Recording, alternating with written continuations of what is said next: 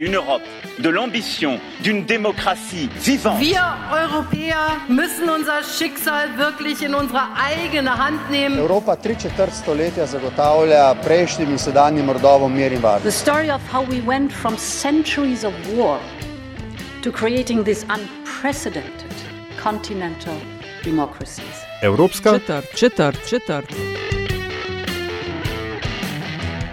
Dobbiamo limitare gli spostamenti alle attività lavorative per motivi di salute o per eh, motivi di necessità.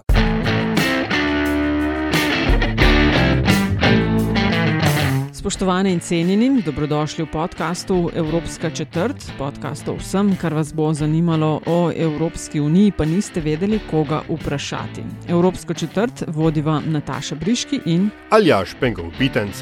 Podcast domuje na spletni postaji metinalista.si, v vašem nabiralniku pa sveža epizoda takoj, ko je na voljo. ena od stvari, za katere sva rekla, da jih želiva z Aljažem podrobneje spremljati v tretji sezoni Evropske četrti, je predstavljati posamezne države članice EU, vsakič seveda v povezavi s kakšnim aktualnim dogajanjem. In najbolj očitna izbira te dni je Italija. Država, ki šteje dobrih 60 milijonov ljudi, je ena od šestih ustanovnih članic Evropske unije.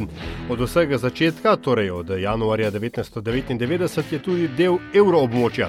Brez dvoma je ena najvplivnejših članic, ena najbolj proevropskih, zaradi različnih razlogov pa veliko krat v središču pozornosti. Najbolj očiten razlog ta trenutek je novi koronavirus, ki Italiji in njenim prebivalcem in prebivalkam ne prizanaša, tudi naravne nesreče zadnjih nekaj let. So bile z grozljivimi posledicami, je pa še najmanj ena stvar, ki se ponavlja domala vsako leto, in to so pogoste menjave oblasti. Kako italijanke in italijani komentirajo redne in številne vladne menjave, kakšen odnos imajo do oblasti in do Evropske unije. V Rim sva poklicala dopisnika RTV Slovenija Janka Petrovca, ki nam je natančno razložil vse to in še več. Italija je ena država, ki je zelo velika, uh, veliko je je skupaj in zelo, zelo raznolika. Uh, bistveno bolj kot recimo ena, rekel, primerljiva velika država, kot je Poljska, recimo, ki jo jaz vidim zelo poenoteno, ali pa tudi Francija ali pa Španija, recimo, ki, so, ki pač imajo večstoletno tradicijo uh, enotne, centralizirane države. Italija ni centralizirana država. Uh, mi vemo, ne, da je Italija nastala kot, ne samo kot želja irredentističnega ali pa bom rekel nacionalnega gibanja Italijanov, ampak tudi kot plot nekih, bom rekel, geostrateških interesov. Ne. Če samo vzamemo tisto dejstvo, da je Neapelj, se pravi prestolnica kraljestva dveh uh, Sicilij, uh, tam v 19. stoletju padlo zaradi tega, ker je prišlo tisoč garibaldincev tja, medtem ko je imel Neapelj sam 20 tisoč ljudi pod orožjem, eh, potem se človek vpraša, kako je to mogoče. Ne? Tako da Italija je nastala ne samo zaradi želje eh, takrat rojevajočega se italijanskega naroda, tako kot se je takrat rojeval tudi slovenski narod in vsi ostali pač po pomladi narodov, ampak tudi kot plod nekih geopolitičnih interesov. In to dediščino Italija kar ima še naprej. Na eni strani imamo ta poudarjen patriotizem, ki vsake toliko udari na plano, kot je udaril v, v času fašističnega 20-letja, kot se zdaj, recimo pri tem porastu suverenističnih in, in populističnih gibanj, tudi vsake toliko časa v bistvu ta poudarjen patriotizem nekako pokaže, ampak ta patriotizem nekako nima obveznosti zraven. No? Jaz, ko se pogovarjam z italijani, pa ko jih vprašam, ampak če si ti patriot, ne, se pravi uh, rodoljub, da tako rečem, ne, kaj to pomeni, kaj, kakšne obveznosti imaš s tem? Ne? In mi nihče tega ne zna razložiti. Ne? Spravi, na eni strani je ta nek ponos, ki je abstrakten in ki ni opredmeten, ne? na drugi strani so pa vse te partikularnosti. Ne? V Italiji, lej, katoliška crkva ima zelo močno vlogo. Na drugi strani v določenih pokrajinah so prosto zidarske skupnosti zelo močne, recimo v Salentu na jugu Apulje. Potem so vse različne pokrajine juga, v katerih družbeno strukturo močno obvladujejo mafijske organizacije. Potem imamo razno razna združenja industrijalcev in drugih gospodarskih interesnih skupin. Skratka, če sploh ne omenjam potem posledic vse te razdrobljenosti politične italijanske, ki je vladala pravzaprav do združitve Italije in kjer so bili vse čas uh, v sporu med sabo, v bojih med sabo. Danes, če greš v Pizo ali pa v Firence in omeniš sosednje mesto, boš še vedno slišal cel kup predsotkov Firenčanov proti Pizanom in Pizanov proti Firenčanom, zaradi tega, ker so se pač stoletja med sabo klali. E, tako, da, tako da nočem posploševati, no, predvsem rad opazujem to Italijo, ker je neskončno bogata eh, zgodbami. Um, kako pa je, skoraj ne moremo mimo tega, ne, če, ko, ko govorimo o Italiji, um, v narekovajih z. Evroskepticizmom eh, oziroma odnosom do Evropske unije. Spet ne se pač vračamo mogoče za kakšno leto nazaj, ko je bil uh, Salvini uh, eden glavnih uh, evroskeptikov na, na, na nacionalni ravni in je imel velik uh, vpliv tudi na dogajanje uh, v drugih državah članicah, konkretno v Luksemburgu se pač spomnimo tega izpada zunanjega ministra Asalborna proti njemu, ne, kako je že rekel, Merdalo, na nekem zaprtem sestanku, je, so Asalborno živci popustili. Potem se je, ko je ta vlada padla, se je naenkrat, skoraj čez noč, se je zdelo, ne, spet predsodek, mogoče, ampak tipično italijansko, ploščo obrnila, so bili zelo proevropski, zdaj pa nekako vidim, pa zaznavam, da se Italijanom zdi, ali pa tistemu, kar pride do mene, no, tako ne morem reči, da jih je Evropska unija mogoče mečken zanemarila v zvezi s tem odzivom na, na koronavirus. Pravzaprav si povedal vse. Uh, Italijani so, to pa je kar splošna oznaka, bi rekel, um, zelo, zelo pragmatičen narod, iznajdljiv, trgovski. To je narod, ki se je zmislil banke, se pravi izposojanje, uh, ki je izjemno kreativen, uh, ki si izmišlja inovacije. Um, in, in ta pragmatizem, zdaj vam bom povedal eno zgodbo. Brunello Cucinelli je en milijarder italijanski, ki ga mogoče ne poznate, če ne hodite v trgovine visoke mode. Brunello Cucinelli je svoj imperij, eh, ki ni tako velik kot Armani, recimo, ampak vendarle je hodil v to smer, eh, ustvaril s kašmirjem, s kašmirja, s temi eh, puloverji, potem jaknami in tako naprej. Ampak takrat, ko še ni znal nič in je pobarval pet kašmirjevih, um, pet puloverjev iz Kašmirja, je šel na nek nemški sejem visoke mode, najel je dve sobi v tem hotelu, v katerem, to je sam mi pripovedoval, zato zdaj obnavljam po spominu, dve sobi v tem hotelu, kjer se je dogajal uh, cel ta uh, biznis srečanje ne? in uh, najel enega svojega prijatelja, ki je vsakič, ko so po hodniku hodili novi ljudje, stopil noter in počakal, da so šli ljudje mimo in stopil na plano, na hodnik in na glas rekel, joj, gospod Kočinili, pa ti vaši poloveri, to je nekaj enkratnega, jaz hočem jih takoj naročiti po tisoč. Evo, to.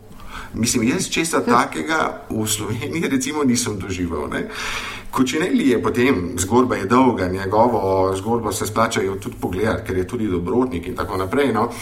Ampak ta začetek, ta iznajdljivost. Zdaj pa, če gremo na makro raven Evropske unije, jasno, Italija je ena od ustanovnih članic Evropske unije, je ena od najbolj proevropskih držav, tradicionalno gledano, se pravi teh držav, ki podpirajo Evropsko unijo in so podpirali vse njene prehodnice.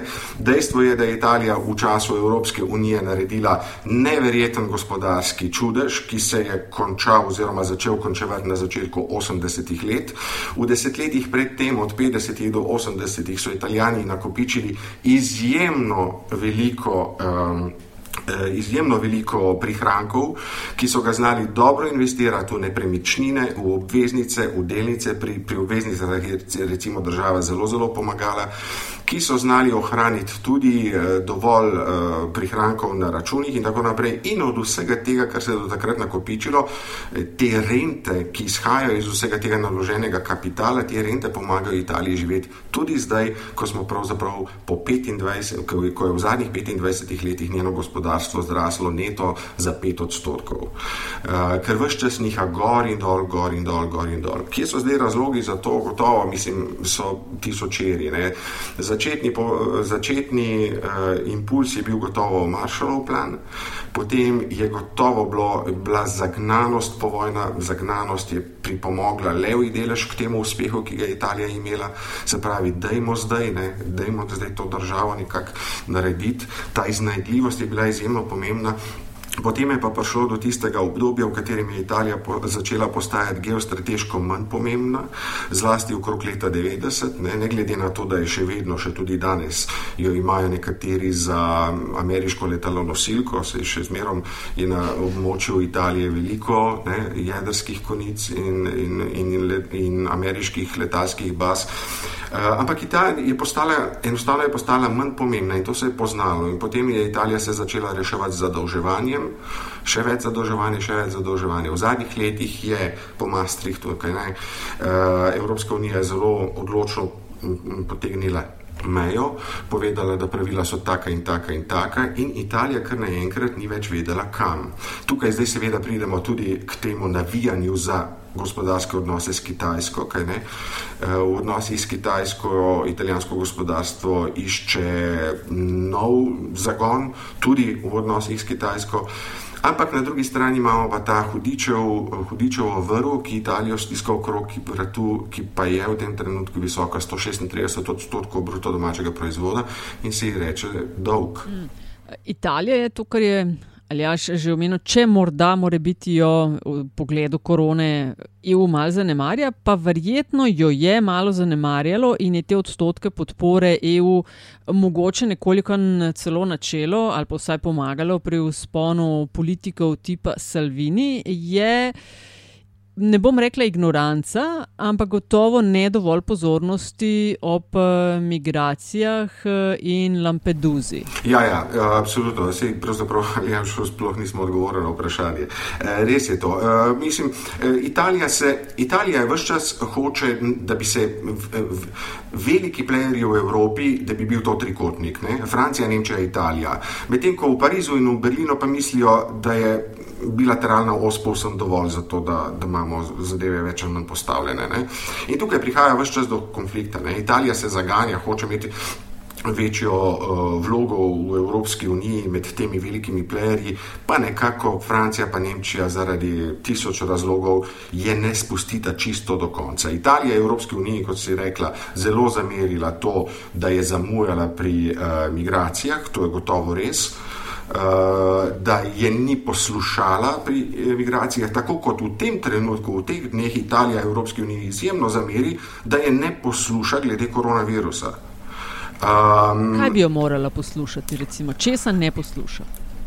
Predvsem noče sprejeti dejstva, da je Italija predhodnica vseh ostalih v tem trenutku da to, kar se v tem trenutku dogaja v Italiji, to je splošno prepričanje v stroki in v politiki v Italiji, da tisto, kar se v teh dneh dogaja v Italiji, je tisto, kar se bo v ostalih evropskih eh, državah zgodilo čez en teden, deset dni ali največ dva tedna. In da zato Italija v tem smislu eh, pravzaprav je imel Salvini predvčerajšnjim prav, je rekel, eh, je rekel, jaz eh, zahtevam od Evropske unije, da spreme iste ukrepe na, na ravni cele Evropske unije, kot smo jih mi sprejeli v Italiji. Zdaj, Glej, to zdaj jaz govorim na podlagi zbranih informacij zadnjih dni. E, mogoče, me bo, mogoče me bo prihodnost postavila na laž in se bo izkazalo, da so italijani pretiravali pri uh, ukrepih, ampak v tem trenutku ni videti. Tudi te ukrepe, ki jih je Slovenija um, pred dnevom dvema z, v zvezi z zapiranjem delnim meje z Italijo, ne, so bile izjave iz Nemčije in Francije, da kaj se gremo. Počasi vsi nekako se zdi, po informacijah, ki jih imamo zdaj, da lezemo v to smer. Ne, hotel sem samo dodati, da kar se tiče predvsem omejevanja gibanja v državi, ne, je ravno danes, ne, prvič, Slovenija s ponedeljkom napovedala zaprtje šol, vrtcev in drugih ustanov, Danska, Irska. Tako, ne, uh, tako da pač počasi se vendarle, vendarle premika proti tem. Um, samo v v odnosu do Evropske unije, ne, me mogoče zanima, uh, Janko, kakšna projekcija, kako bo to spet, je, bo, bo to kot plima in oseka naraščalo in padalo, ali se ti zdi, da ima to a, vendarle neko do, dolgoročne, kako se temu reče, razgledajoče posledice? Če gledam iz italijanskega zornega kota, bi prej rekel prvo, da gre za plimo, ki narašča in pada. Zaradi tega, ker je Italija pragmatična država, eh, se pravi, ima eh, cel kup problemov svojih makroekonomske narave, zlasti pa tudi politično učinkovitnostne narave, o katerim smo že prej kakšno stvar rekli. Eh, po standardnem načelu, ki ga zelo dobro poznajo psihologi, načelu projekcije, projicira svoje probleme na zunanjega nekoga, uh, ker se v tem trenutku ni sposobna soočiti z njimi, zaradi tega, ker bi recimo vem, um, odplačilo dolga, večja produktivnost, uh, zmanjšanje birokracije uh, in tako naprej, da ne naštevam. Pomenilo, če bi se Italija tega resno lotila, bi to pomenilo izjemne žrtve, ki bi kogarkoli, ki bi bil takrat na oblasti, stale političnega preživetja. Zato se teh globokih sistemskih problemov ne loti nihče. Se pravi, po psihološkem načelu projekcije se problem projicira na zunanjega krivca, v tem primeru je najbolj prikladna Evropska unija. Takrat, ko Evropska unija malo popusti, italijani začnejo, italijanska politika, zdaj govorim, začne znova navijati za njo v tistem trenutku, ko evropska politika malo zaostri situacijo, jo začnejo obtoževati. To je mehanika populistične politike, preprosto. Politika, kako stabilna je, nekaj malega si o tem uh, že govoril. Uh, lahko mogoče samo še eno stvar, ker poleg še nekoga nas. Se je pa v zadnjih tednih, mesecih predvsej slišalo na sardine. Kdo ali kaj so sardine? Ma, mislim, da je to en tak prehoden, um, en hro, prehoden fenomen. E, sardine, oziroma podobna gibanja, se v Italiji vsakih nekaj let pojavijo. Gre za enostavno, za, v veliki meri spontano. No? Tukaj nimamo kaj iskati zadnje, kakšnih stricev iz ozadja. V veliki meri spontano se pojavijo neke skupine, ki so dovolj karizmatične, da zmobilizirajo na tisoče ljudi, da pridejo na trg izraziti svoje nezadovoljstvo v takšni ali drugačni obliki. Ena od teh oblik uh, so bili tudi žirotondi, se pravi vrtiljaki, ki jih je sprožil pred leti Nani Moretti, ki so imeli tudi izrazito levičarsko podobo. Druga je bila pred, uh, koliko je zdaj, 12 leti, ko se je pojavilo gibanje petih zvest. Pa gibanje petih zvest se je potem odločilo, da so do konca politizira in formalizira, in zato je postala potem nova stranka in ni zamrlo. Sredine so v tem trenutku, sredine so se porodile kot reakcija na Salvinija in sicer v enem zelo lokalnem območju države Emilija Romanja, ki je tradicionalno rdeča, kjer je levičarska miselnost izjemno močna in so eni mladi ljudje rekli, zdaj pa je tega dovolj, čisto domače, štirje bivši cimri iz študentskih let, ki so zdaj pač v javnem, uh, samozaposleni ali v javnem sektorju, ne vem, točno, ampak se to niti ni bistveno, ker so stari malo več kot 30 let, so se dali skupaj in so rekli: ne, če bo imel Salvini 5000 ljudi v športni dvorani, mi hočemo imeti 6000 na trgu. In so enostavno na, na, preko Facebooka pozvali vse svoje prijatelje in zadeva je šla naprej, in, in dva dni kasneje je bilo na trgu 12.000 ljudi. Tako se je zadeva začela. Ampak mislim, da pa zdaj, te, vse do zdaj, ni bilo videti ja, jasnega namena da, oziroma nekega konkretnega, konkretne oblike, v katero obliko naj bi oni svoje politično delovanje uh, postavili.